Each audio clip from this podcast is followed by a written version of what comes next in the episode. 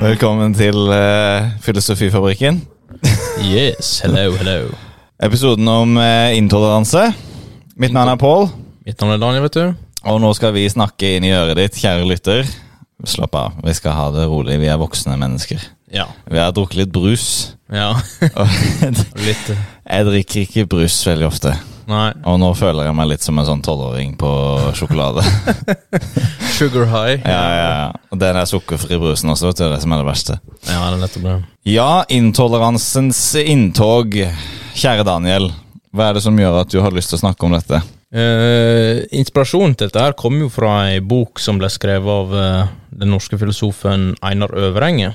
Ja. Som han slapp ut i fjor, som jeg plukka opp og leste, og eh, jeg syns det var veldig kul og veldig bra. Og det er jo egentlig det at det er veldig relevant i dag. Og heide boka for noe. Den heter jo Den heter egentlig rett og slett 'Intoleransens inntog'. eh, Bare den tittelen. eh, 'Når sosiale medier truer frihet'. Ikke sant. Det er disse joviale mediene som eh, ødelegger for oss. Ja, Som vi liker å hakke litt ned på her i podkasten. Her i fabrikket to fabrikkarbeidere med vernebriller og eh, hjelm. Som utforsker samfunnets kriker og kroker. Som bruker kraner og eh, andre verk, verktøy, løs. maskiner, til å slå løs. Hammer og meisel. Hammer og meisel til å slå løs sannheten, Nei, så men bevisstheten. Den boka hans det er jo inspirert av hans sin, eh, mangeårige arbeid med filosofen, eh, den tyske filosofen Hanne Arendt. Eh, og den tar jo opp dette med, med toleranse, og, og, og, og mener jo rett og slett at vi er blitt il- intolerante i dag. Ja, Mye på grunn av vår, eh, vårt massesamfunn, eh, sosiale medier. da ok. rett og slett sosiale medier er i fokus, og eh, det som er i fokus, er jo det som Arendt hadde i fokus, nemlig aspektet med offentligheten og det sosiale og det private. Og hun skrev mye om tyranni og sånne ting i, i etterkant av andre verdenskrig, da, som hun var med på å oppleve. Det er jo et fenomen på sosiale medier at det oppstår veldig lett ekkokammer. Du finner folk som deler dine meninger, Ja. veldig enkelt. Og eh, det kan jo være veldig sånn deilig å, å føle en tilhørighet. Fellesskapsfølelsen. Mhm. Men så kan det jo også fort bli et ekkokammer av voldsomme proporsjoner. Ja. Jeg har selv eh, meldt meg inn i noen grupper på Facebook, eh, bare for å speide litt eh, rundt. Ja. Den, eh, nå skal du høre. Den eh, gruppa jeg har meldt meg inn i, den heter Sylvi Listhaug fanklubb. Oi, såpass.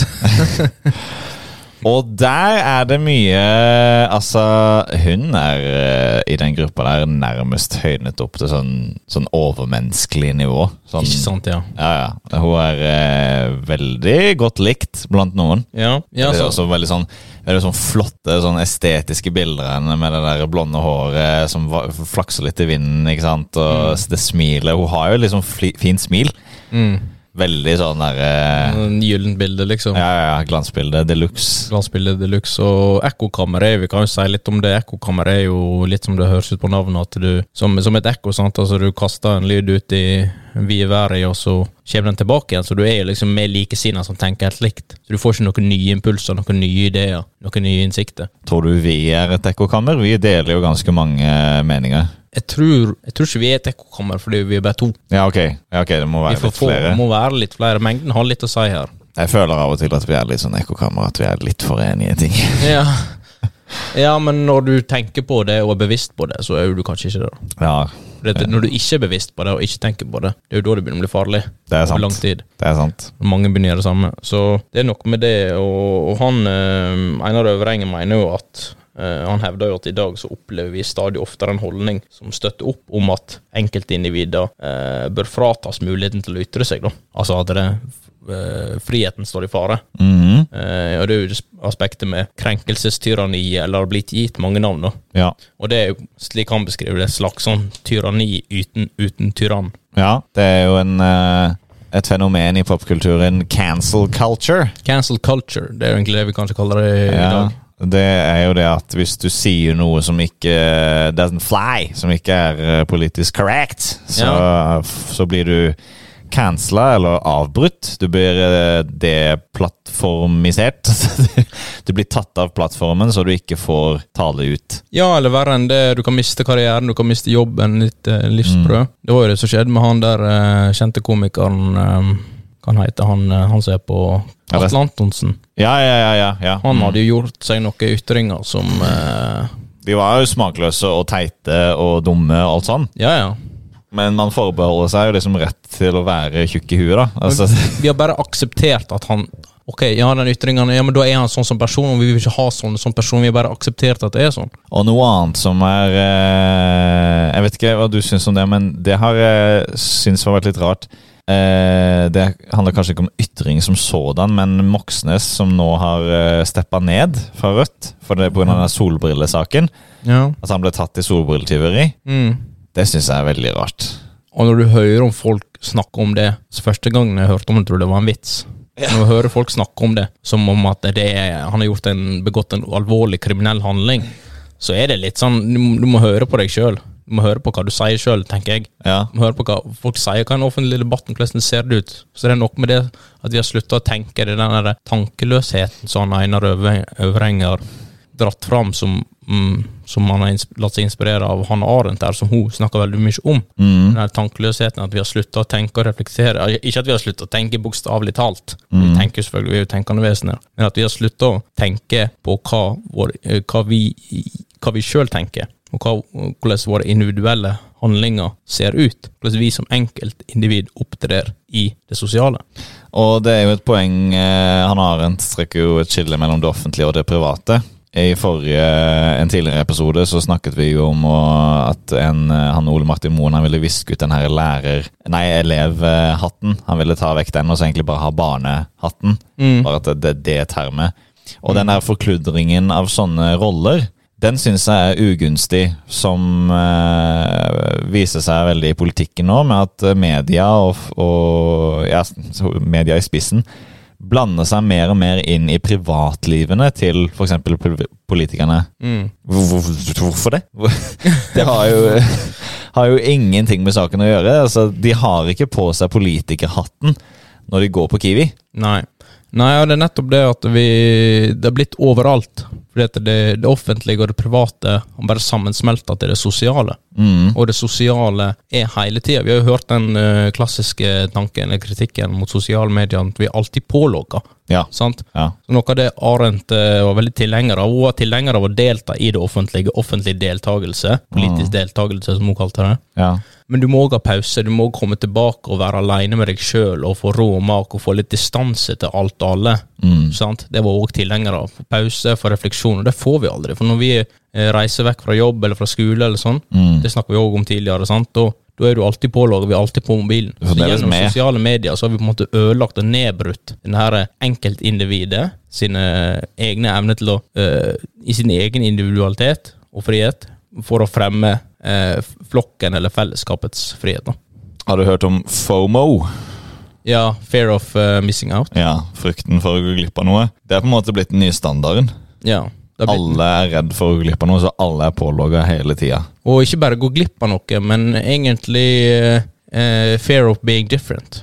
Mm. Fear of eh, Eller flu- f- Frykten for å skjelle seg ut. frukten for å skille seg ut, ja. Mm. Det sa du egentlig. Eh, sånn som enkelte når de, skal- når de blir bedt om å gi en uttalelse for eksempel om denne her Atle Antonsen-saken eller solbrillesaken til han Voksnes, så er de redd for å eh, s- gå for langt unna det andre sier. Så da blir det liksom en veldig sånn monotom stemme, Mm. sånn helhetlig sett, i, vår, eh, i vårt samfunn. da. Og det gjør jo at eh, diskursen rundt disse problemene får en liksom korrekt retning med visse premisser som ligger inn. Så de premissene som da er korrekte, de, de eh, eh, styrer jo konklusjonen veldig. Altså det For eksempel eh, Atle Antonsen, da.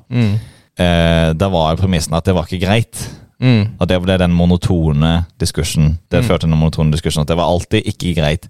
Selvfølgelig var det smakløst og, og teit og dustete, men det var jo altså det, er, på- det er jo altså Det er ikke noe vi skal oppfordre til. Men det er jo noe vi skal tolerere, at folk er drittsekker. Ja, vi må tolerere at folk har ulike svakheter, skavanker og av og til blir fulle og sier sånne ting. Ja, Særlig når man er overstadig berusa. Jeg syns absolutt ikke en bør si sånne ting som han sa, men the punishment doesn't fit the crime. Nei. Altså, det var litt Skyter litt over mål, syns jeg. Vi overkorrigerer. Ja, det er han litt sånn er- problemet.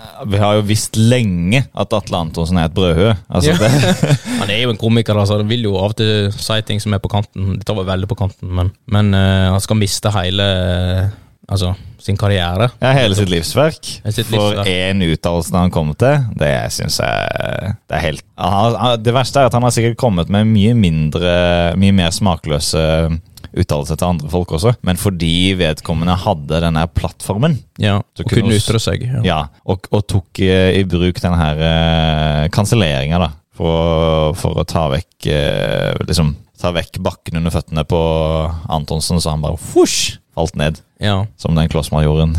Da hadde vi plass for han lenger, slik vi så det, sant? og da, da var det et slags tyranni. Mhm, Men det var ikke noen tyrann på plass. og det Det var var bare fellesskapet som sådan, som helhetlig sett Mm. ble en tyrann, på en måte. Og det vi eh, i hvert fall er fremme nå, det er jo det at jeg er uenig i hans oppførsel, men jeg tolererer det. Jeg bryter ikke inn og ødelegger.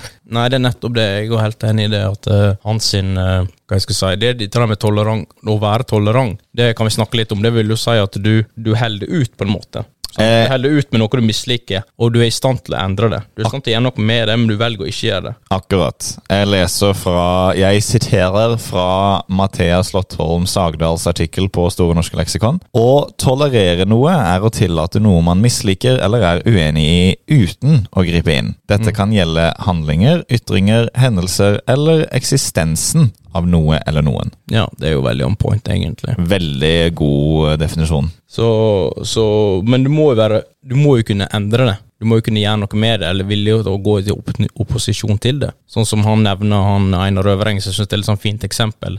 Du kan ikke si at du er tolerant mot regnvær, for det kan du gjøre noe med. Så det blir feil å si. Det var ikke noe å si det du- du skulle sagt Men uansett. så er jeg jo aksepterer det, men det blir jo litt rart, det òg, kanskje. Ja. Så, men når folk sier ok, vi er intolerante i dag, så tenker kanskje mange «Nei, jeg vil ikke helt si det, fordi at altså, vi aksepterer jo homofile, LBTQ og masse sånne ting som vi ikke gjorde før. Mm. Så vi er liksom mild tol- tolerante, men det er ikke toleranse. Det er ikke sånn at jeg misliker homofile, Mm. men jeg lar dem være for seg.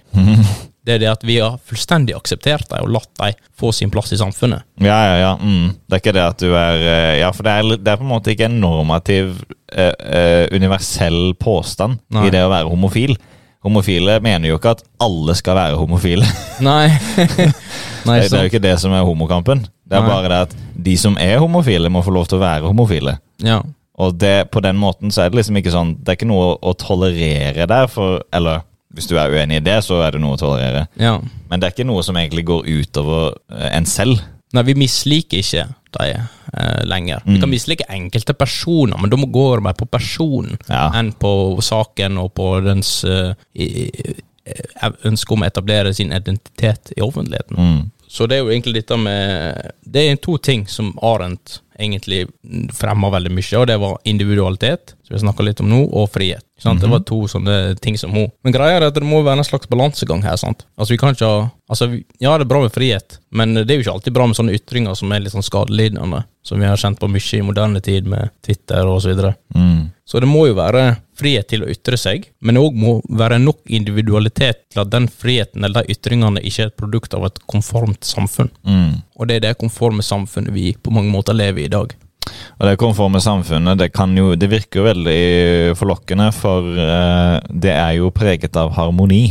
Ja, Et konformt samfunn, det er jo der hvor alle brikkene spiller det samme spillet. mm. Ikke sant? Alle er med i harmonien, alle, det er som et orkester som alle er med. Men det som harmoni ikke tillater, er jo dissonans. Så harmonien har en svakhet i den at den endrer seg ikke. nei. Den er Eh, monotom. Ja, den er monoton, og den er- kan være litt kjedelig.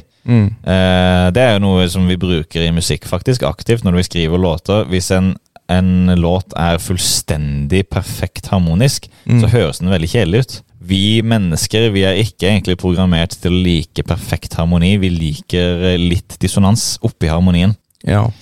Eh, Det er derfor vi eh, bruker litt sånn musikkteori for å lage fancy låter og sånn. Det blir litt eh, lang metafor. Men Poenget er bare at det er gunstig for samfunnet at det oppstår litt meningsskifte, og at det er rom for eh, folk som har andre meninger enn det som er hegemoniet. et, eh, ja, så det er jo egentlig Arendt var tilhenger av, er jo dette meningsmangfoldet. Mm. Mang, mangfoldet, Mm. som du nevnte nå, tenker jeg. Og eh, det aspektet med at eh, enkeltindividet må prøve å finne seg sjøl Mm. gjennom ytringene. Og få en pause, og kunne på en måte hva jeg skulle si, vi- At vi kan være tolerante, men at den, denne ytringa vi, vi gjør, er liksom et produkt av vår egen individuelle autoritet og selvstendighet. Mm. Sant? For når vi mister den, så blir vi liksom bare en del av flokken. Det er jo den klassiske eh, sk- skip- eh, saueflokkmentaliteten Mm. Mm. som går igjen. Eh, så Stygge du bare, du bare restaurantklipper. følger flokken, og flokken følger seg sjøl, på en måte. Altså, det er ingen, ingen leder som liksom, Det er ingen hyrde som leder flokken. Ja, og det er litt sånn heidegeriansk eh, fremmedgjøring. Ja. At det er ingen Det blir eh, vi som tjener systemet som flokken, i stedet for at flokken beskytter oss, da, eller at flokken tjener oss på et eller annet vis. Ja, det er en form for fremmedgjøring, en fremmedgjøring fra det sosiale. Mm. Eh, men litt konformi konformitet trenger du. Du trenger en viss harmoni, du gjør det, for du må ha noe som binder gruppen sammen. Ja, og noe som binder gruppa sammen, og, og av og til så trenger vi rett og slett bare følge reglene nesten slavisk. Eh, Prakteksempelet på det er jo det han Einar Øvereng har nevnt, eh, som jeg hørte tidligere, i trafikken. Mm. Det er jo sånn her når du, når du, du har sånn fletting i trafikken, eller hva det heter, sånn eh, glidelåseffekt. Mm. Sånn at alle bare innordner seg i rekkene automatisk. Mm. Det er jo fantastisk. Alle bare følger reglene, liksom. Ja. Uten å tenke over det. For Du kan ikke sitte og tenke på at du skal følge reglene. Da følger vi det litt sånn slavisk og litt sånn blindt. Mm. Men det, det må nesten være til, så litt konformitet trenger vi. Men det er jo sånn prakteksempel i militæret sånn i USA, sånn når alle shaver hodet og alt sånn der, all individualitet skal vekk. Ja. Alle skal, du, er sånn, du har sikkert, han har sikkert sett på film eller et eller annet at de går i rekke og de marsjerer, og alle ser helt like ut og monotone og kjedelige ut. Mm. Sånn at all individualitet skal vekk. Du skal ikke tenke sjøl, Nei, du skal bare følge flokken. det, det blir skummelt. Det blir skummelt når det blir i samfunnet. Et annet eksempel er jo eh, en fotballkamp. Ja, Det er jo en konkurranse. Det er veldig lett å tenke at her er det to motstridende parter som er uenige. Der de, er, de er jo uenige i hvem som er best til å spille fotball, lagene, ja. og så konkurrerer de om det.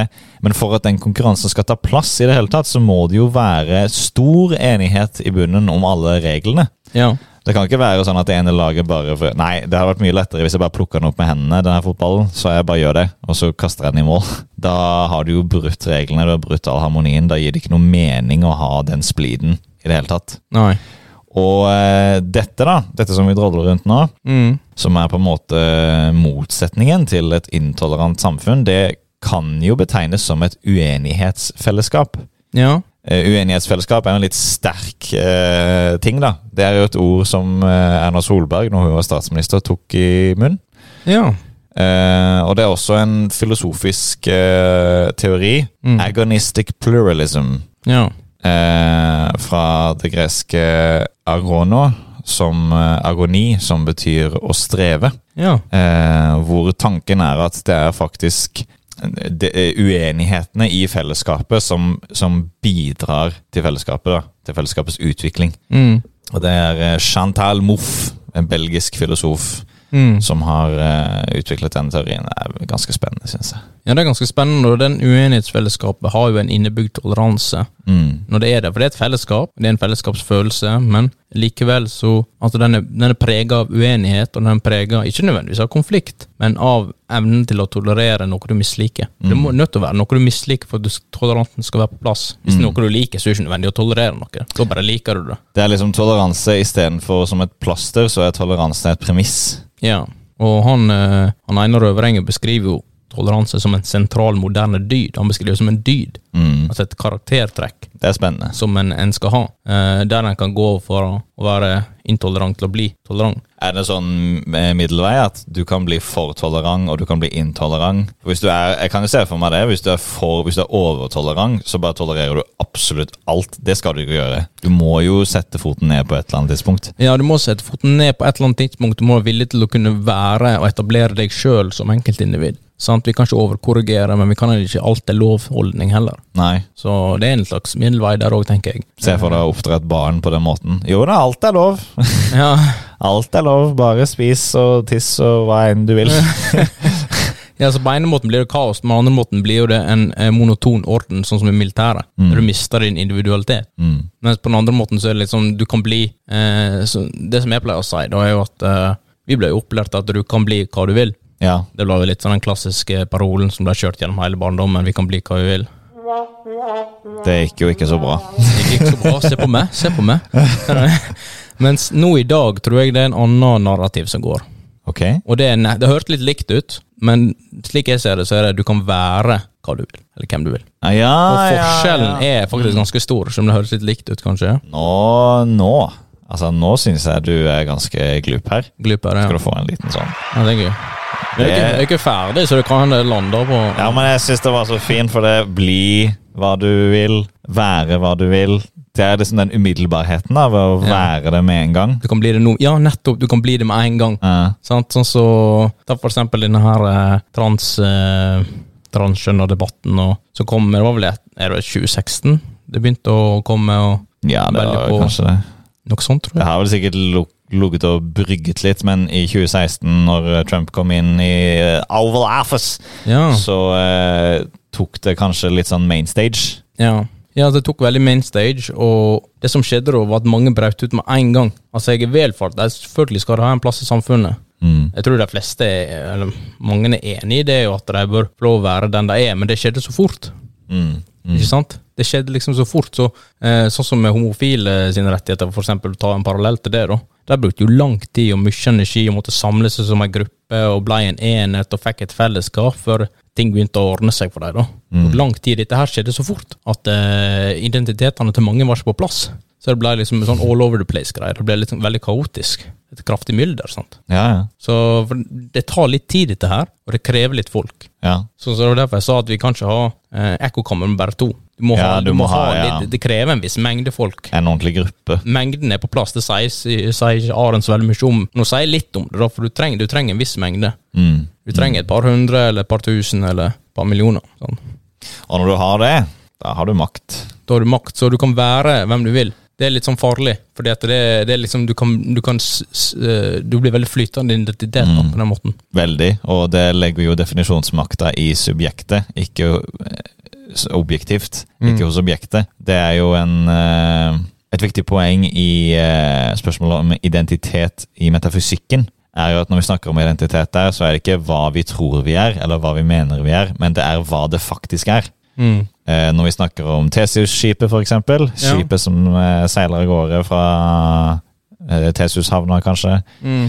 Og så kommer det tilbake, og alt mannskapet er bytta ut. Alle plankene er bytta ut. Hele skipet er liksom Alle delene til skipet er bytta ut, men det kalles jo Tesius-skipet. Når vi prøver å finne ut om Når vi da stiller spørsmålet Er det fremdeles det samme Tesius-skipet som forlot Hellas, Mm. eh, så mener vi ikke om det føler seg som det, eller at det tror det er det, men, men om det faktisk er det. Det er, det er et objektivt spørsmål. Ja. Og det man sier at når man kan være hva man vil, så legger man, flytter man eh, det spørsmålet fra objektivitet til subjektivitet. Det er mer sånn stipulerende definisjonsmakt hos subjektet. Jeg vil være dette, derfor er jeg dette. Da er det opp til enkeltindividet å finne ut hvem de sjøl er. Ja, Men problemet er at hele den fulle hele makta ligger hos enkeltindividet, og det er litt farlig. Du kan ikke ha for mye individualitet heller, det sier Aren. mm. Du kan ikke ha for mye enkeltindivid. kan ikke stå sånn ekstremt alene, men de kan ikke være helt inni flokken heller, på en måte. Nei. Det er litt vanskelig å forklare, men som vi s- sa litt i stad, etter det, at du må komme litt vekk fra flokken og prøve å finne deg sjøl og reflektere litt og tenke litt på egen hånd. Du må inn i flokken og se hvordan det er å være sosial. Mm. Og, og, og bli deg, den klassiske tanken 'bli deg sjøl gjennom andre'. Det er jo litt sånn paradoks ved oss mennesker at vi ønsker både å være oss selv og vi ønsker tilhørighet. Ja, vi ønsker samhørighet og tilhørighet, og, og vi ønsker å liksom bli akseptert. mm. Eh, Så det er noe av det som står i veien litt grann for eh, vår evne til å tolerere. Vi Ja. bare tar altfor god fisk. Ja, vi bare sletter det helt ut. Å ja, Atle Antonsen sa noe fæle utsagn. Ja, men da bare tar vi han vekk, da. Da aksepterer vi han ikke i det hele tatt. Og jeg syns også det er litt sånn Det er en, det er en enkel, billig løsning. Ja, Åh, nå blir det vanskeligere og, og vanskeligere å inkludere han her eh, Antonsen, for han er en brautemikkel og tjukk i huet, så derfor bare, bare, bare hiver han ja, ut av båten. ja men det er jo òg at eh, de eh, organisasjonene eh, og sånne ting, og NRK og TV 2 og alt sånt, altså, de vil jo innordne seg i rekken òg som organisasjon, da, for de, de trenger aksep aksepten til massene for å, for å overleve. Derfor hiver de han på dør. Mm. Ikke sant? Så det blir jo litt sånn her eh, et fellesskap som s- s- stadig på en måte søker å bygge en felles identitet, snarere enn et sånn rikt individuelt mangfold som en trenger. Mm, Eh, absolutt. Så, men mye av den skylda må jo egentlig sosiale medier ha. Litt fordi den enkle årsaken at informasjon sprer seg mye raskere enn nå enn noensinne. Det er jo Ja. kanskje den mest åpenbare grunnen. Men òg at det er en sånn, på måte, mange måter en slags algoritmestyrt hverdag, da. Eh, som styres av på en måte massene sine følelser og sånn. Algoritmen er jo sånn 'Å ja, dette liker massene, derfor mater vi mer og mer av det'. Så det blir et slags ekkokammer òg. Mm. Og det, er opp- den tanken, det premisset om at eh, det de har likt, vil de like i framtiden, det oppmuntrer jo voldsomt til Ja. ekkokammer. Ja, men det blir òg på en måte sånne epistemiske murer òg. Mm. Eh, og det er et uttrykk som kan minne litt om ekkokammer, men det er ikke helt det samme. For det er litt sånn når du begynner å angripe muren, så det mer du angriper muren, det større blir den. Å ja. Da bygger høyere mur. Det mer Ok. den blir angrepet. Sånn. Så liksom kunnskap, vår kunnskap om ting Vi har ikke evne på en måte til å tenke og reflektere ved oss sjøl, for vi har så lyst til å følge massenes eh, eh, bevegelser. da. Er det man selv som setter opp den epistemiske muren, eller er det massene? Det er, ikke en, sj- det er aldri en sjøl, på en måte. Nei, ok. Men når jeg sitter for eksempel på Vi snakka litt om det til, hvis jeg sitter på YouTube, og så sitter jeg Det er bare jeg som er alene som sitter der. Det er ikke sosiale medier på samme måte, da. Men det er jo sånn enveiskommunikasjon. Så sitter jeg og ser på videoer om et spesifikt tema, for eksempel. Så merker algoritmen Oi, dette var han veldig interessert i, nå får han bare mer og mer og mer og mer. og mer. Mm. Sant? Så det blir litt sånn her eh, confirmation bias her. sant? Og det er muren. Det er det at du bare blir bugger opp. servert én ting. jeg bygger opp liksom murer på meg sjøl, og så har jeg veldig lite lett for å akseptere ting som veldig motgår det en sjøl måtte mene. da. Det er veldig Mm. vanskelig å lese ting. Jeg har lest bøker der jeg er sterkt uenig i det forfatteren sier. Det er veldig vanskelig, det er tungt å lese det. Ja, ja, ja. Du bare Det er utfordrende. sitter og liksom arger deg hver gang. Men jeg tror det er sunt å, å lese en sånn bok eller se en sånn debatt i ny og ne, og prøve å være sympatisk overfor den man er uenig med. da. Ja. Det, det sprenger litt grenser når det kommer til ens, egen, ens egne tanker og ens egne holdninger. ja, og vi mennesker ønsker jo Vi har jo et sånt skavansk... sk- sk- Skavank. skavanke at vi ønsker å eh, Det de kaller bekreftelsestendens, altså confirmation bias. Vi ønsker Ja. å bekrefte det vi allerede tror på. Vi har en tendens til det. Eh, Og det viser seg jo å være dårlig vitenskapelig praksis. ja, det er veldig Det- dårlig. Det er bedre å søke og prøve å falsifisere det. Ja. Og så hvis du ikke klarer å falsifisere det, så er det et bedre tegn, faktisk. Men det, det jeg mener er jo pga. sosiale medier, som han nevner, at det- den eh, algoritmen er liksom rigged against us, for at vi får myt, betraktelig mer av disse her eh, tendensene. da. Mm. De blir på en måte forsterka, de får liksom sitt rom, sitt spillerom, Mm. mye mer nå enn før. Eh, Rigged against us, det var veldig sånn rytmisk når du sa det. rigged-digged-digged. Rigged against us. Ja. Ja. Det er algoritmene som setter de, de sier ikke nødvendigvis nøyaktig hva vi skal tenke, men de legger sterke føringer Mm. på det basert på hva vi har tenkt tidligere, Og hva massen tenker. Ja. og hva massen tenker. Og det sier jo seg selv at det bidrar til lite åpenhet og lite utvikling. Mm. Ja, for du, du, blir, du blir liksom Du sitter litt fast i gropa. Mm. De har bygd en litt større grop. Og hvorfor er det negativt?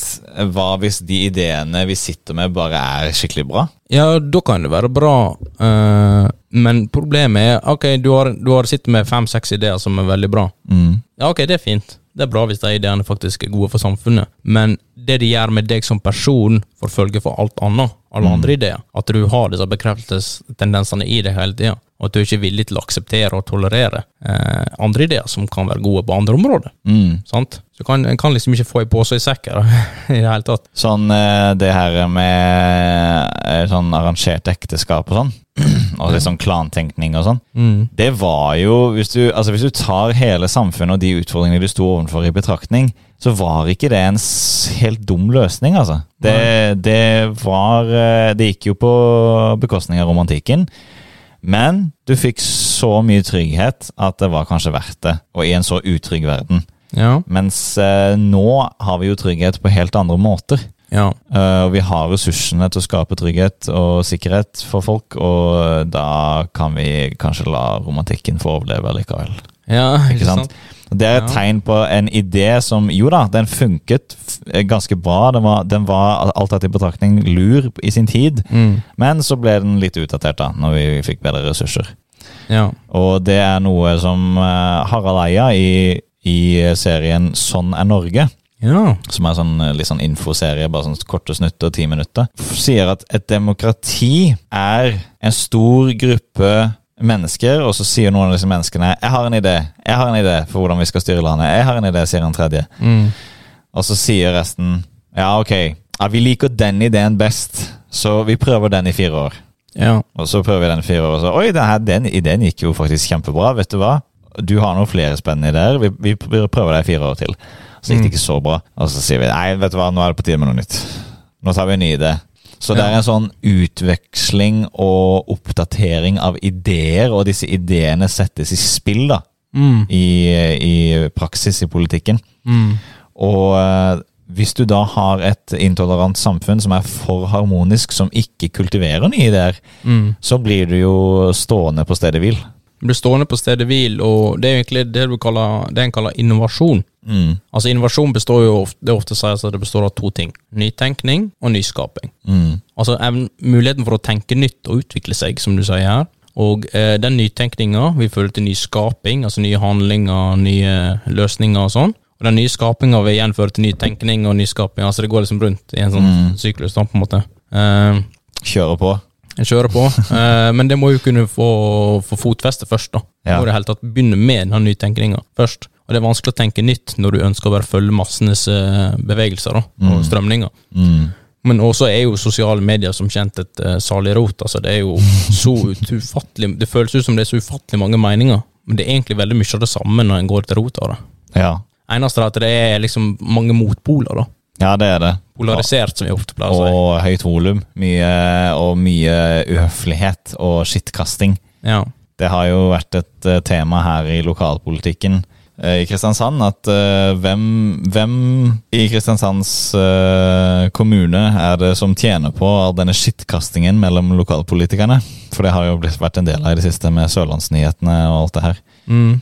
Og det, det syns jeg er et, et god observasjon, ikke bare på situasjonen her, men egentlig generelt. Eh, ikke bare nasjonalt, men globalt. At det har blitt, vi er blitt, eh, de forskjellige politiske fløyene har blitt stadig mer intolerante av hverandre. Og spliden mellom dem har blitt stadig større, og fellesgrunnlaget har blitt stadig mindre. Til det punktet hvor eh, man har ikke egentlig debatter, man bare står og skriker til hverandre Mm. eh, fra hver sin side, og i avgrunnen i midten så står befolkninga generelt og fortviler for at eh, politikerne ikke klarer å snakke til hverandre på en ordentlig måte. ja. Snakker jo til hverandre på en litt sånn mobbete måte, nesten. Ja, det er Sånn jeg så på Gahr Støre, og nå faen meg gjort det, og så liksom sånn. ja, ja, ja.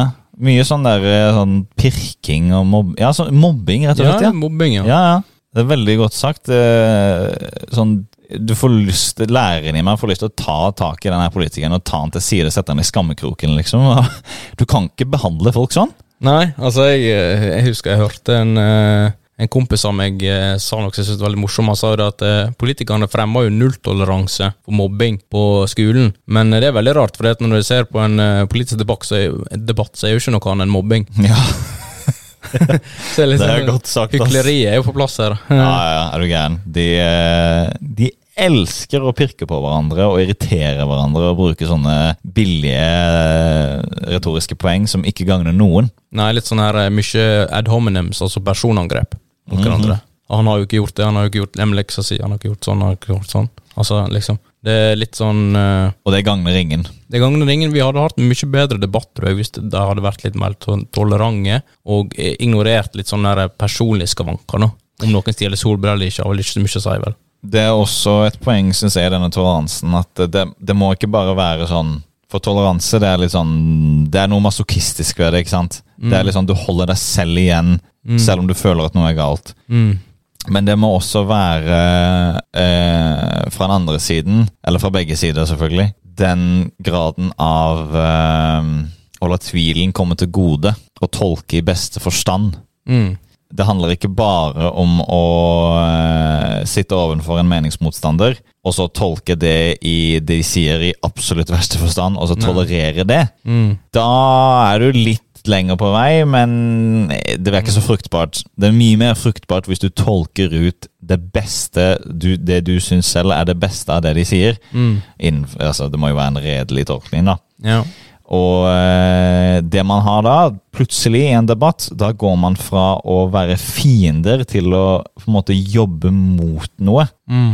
ved å tolke sånne ting. Og det, det er noe jeg praktiserer sjøl, og det, det er eh, fordelen med det. Er at det er veldig avvæpnende. Ja. Når du kommer med en tolkning som er enda sterkere enn det de selv mente, ja. eh, så blir de veldig sånn der Å ja, ja, jøss. eh, Se, jeg var smartere enn jeg trodde. Og Ja. blir jo ofte litt ydmyke. Ja, blir litt sånn humbling. Og, eh, så det er jo mer en toleranse som skal på plass for at vi skal måtte fikse det offentlige eller sosiale landskapet vårt, selvsagt. Eh, mye er gjort med teknologiske endringer òg, egentlig. For dette er jo sosiale medier han snakker om, og det er jo tross alt det som på en måte har gjort mye av disse problemene har blitt veldig forsterka i vår tid. De var der fra før av. Mm. Det var de. Eh, det har vært der ganske lenge, men det har blitt verre pga. sosiale medier, slik jeg ser det. da. Enig. Og det politiske landskapet har jo, som du sier, offentlige debatter som blir kringkasta rundt omkring, har jo bært preg, bærer jo preg av det samme. Eh, fordi at folk eh, de, hm, Rundt omkring kasta. Rundt omkring kasting. Kringlekasting. Ja, eh, Kanelbollekasti! kasti. Så de kan jo de kan jo på en måte En politiker kan jo finne masse snusk og mye sånn fra fortida til en annen politiker, og så slenge det ut i en debatt Mm. som et, sånn, som et vå- våpen. sant? Det er liksom våpen og skjold, det er skikkelig krig. sant? Mm. Men når folk begynner å legge ned våpnene og skjoldene, så viser de hvem de Det ble veldig poetisk. Ja, nå eh, Men du må ikke stoppe, det var veldig ja, fint. Så viser de hvem de egentlig er, det var det jeg skulle si, da. Det var, jeg syns det var kjempefint. Ja. Ja, det er viktig det der med å, å påpeke det, for eh, nå Jeg tror også at selv om vi i den norske befolkningen Jeg vil ikke si vi lar oss fenge av det, men, men vi, s- altså, vi ser jo på debatten selv om de kaster de her våpnene rundt omkring, og selv om de kommer med de her spydige bemerkningene og sånn. Men det er ikke der det, det må ikke Altså, seertall må ikke tolkes som at det er greit. Mm. For min eh, mening, eh, opplevelse etter å ha snakka med folk rundt omkring, det er jo at folk er møkk lei av det her lave standarden av eh, debatt og diskurs. De har lyst til å, s å se voksne mennesker som løser problemer sammen.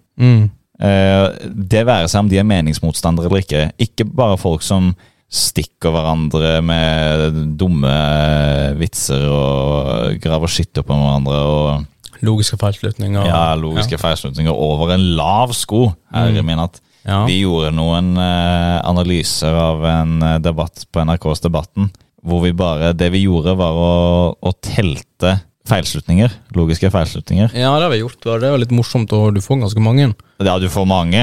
Du får ganske mange. Du får overraskende mange. Og det som er interessant, er at eh, det er veldig ofte sånn at eh, en person gjentar den samme type feilslutning om og om igjen.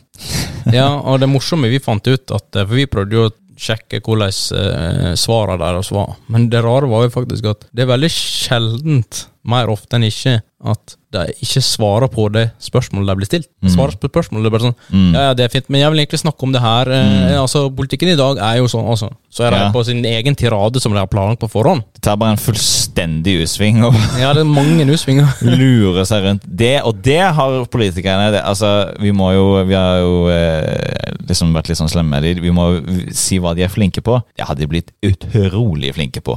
Å ikke svare på spørsmålet. Ja, det er Det er, altså, de er helt rå på å ikke svare på spørsmålet. unnvike unnasluntrere. vet du, det. Ja. Eh, altså, jeg, jeg kom jo på en eh, etter jeg hadde, En liten stund etter jeg hadde lest den boka i fjor, så var jeg eh, i publikum i en sånn, eh, med et sånn Det var et sånn debatt, debattpanel som skulle diskutere demokrati og demokratiske spørsmål og, Mm, og problemer og sånne ting. mm, Eh, og da stilte jeg, da, var- og så kom det mot slutten og så kom det en sånn spørsmålsrunde da publikum kunne eh, komme fram og stille spørsmål. da ja. og da tok jeg meg litt til å stille spørsmål, noe som jeg egentlig aldri pleier å gjøre. Men eh, da tok jeg meg litt til å Du tok eh, Da- motet fatt. ta tanke til handling, sånn som Arendt liker, vet du.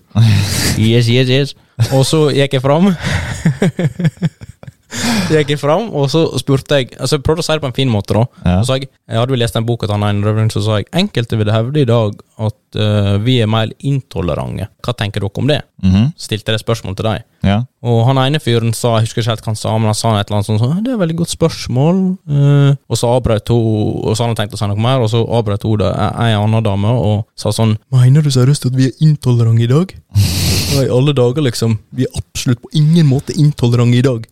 Eh, Det der er et veldig dårlig svar, og så, og så sa hun forskning viser at vi absolutt ikke er det. Ja. Altså, jeg har ikke sagt Jeg sa ikke Jeg sa ikke at de var intolerante. Jeg sa jeg prøvde å si det på en fin måte. ja. Enkelte Enkelte ville- hevder. Og hva sier du? Det var et spørsmål, ikke en påstand. Så hun, det som er litt morsomt, var jo at hun var jo intolerant til mitt spørsmål om intoleranse. Ikke sant? Så det er jo litt sånn Det var, eh, der hadde hun sin egen punchline der. Hun Ja, det var, var sin liksom- egen punchline. Var sin egen punching bag, så Og så forskning viser Den forskningen vil jeg gjerne se. Ja. Hvordan skal vi måle det? Ja, ja. ja det, er, Altså, det er et godt spørsmål. Hvordan måler vi det? Ja, Det er lett, ikke så lett å kvantifisere. Nei, men hva tror du er eh, f Vi må komme med noen løsninger, for vi kan ikke bare sitte og klage og sutre. Vi må komme med noen forslag. Ja, vi klager litt mer. Ok. Jeg har jo eh, sagt allerede at eh, selvfølgelig det er vi enige om toleranse. Og så eh, to eh, tolke s- eh, sin meningsmotstander i beste forstand. Ja. Det tror jeg er praksiser som Altså, Værmannsen bør jo gjøre det, og definitivt eh, folk med makt, politikere, embetsmenn osv. ja. Hva tenker du? Hva, hva slags løsning ser du for deg? Hva ønsker du at eh, skal være motbølgen til intoleransens inntog? At vi eh, forstår generelle problemene, sosiale problemene som eh, sosiale medier forårsaker, og at når en, for eksempel hvis en absolutt skal være på sosiale medier over lang tid, at en tenker over og prøver å tenke sjøl og tenke igjennom det som blir sagt, uansett om det er bare en tullevideo. Mm. Mange, hvis du ser mange tullevideoer, så vil det ha en effekt sant, på ditt syn, enten du vil det eller ikke. Mm. Så prøv å være litt forsiktig, og prøv å ikke havne i disse epistemiske murene. Eh, Men mye er jo egentlig gjort på de firmaene som styrer det. Jeg tenker på Facebook og alt sånn, og, så men det er jo litt vanskelig å gjøre noe med, men enkeltindivid kan ta visse, tilt, eh, kan ta visse tak sjøl, og på en måte endre sin holdninger til ting, Mm. tenke over ting, og ta et steg tilbake. Mm. Jeg tror mye er gjort der, så jeg vil si vi er intolerante i dag, men vi er ikke intolerante over hele fjøla. Nei, nei. nei. For dette, er- som du sa i stad, så er nesten alle jeg har snakka med om dette aspektet med politisk korrekthet, for eksempel, er jo imot det Mm. den der korrigeringsmaskinen. Altså. Men den er likevel til stede, veldig dominerende i dag, selv om omtrent alle jeg har snakka med, ikke, har, ikke liker det i det hele tatt. Så det er jo litt rart. Ja, det er sånn fremmedgjøring. En Men- sånn ting som tar over og bare eksisterer for seg selv. Så så det er helt fremme for oss, men vi men de vet ikke helt hva de skal gjøre med det, eller hvordan vi skal endre det. De har ikke evne til å se hva de gjør sjøl. Mm. For det er mange av de jeg snakker om, er på en måte sånn sjøl, og det er inkludert meg sjøl. Så jeg veit det er gale, men jeg gjør det likevel. Så er det en sånn kognitiv dissonans der. Mm. Mm. Sant? Så jeg tenker jo at, eh, jeg tenker jo at vi er intolerante, og at vi kan gjøre noe med det. Eh, men det krever, det krever litt. Det er enda håp. Det er enda Det håp. er enda håp. Ja. Er det Guro eh, som la sitt gullegg der, eller? ja, jeg tror det. Gullgås i Guro har lagt sitt gullegg, og du vet jo hva det betyr! Det betyr at episoden er ferdig. Tusen takk for at du har lyttet til Filosofifabrikki, episoden om intoleranse. Intoleranse. Mitt navn er Bolle, Eh, Daniel, vet du. og eh, velkommen igjen. Er det bra? Philosophy.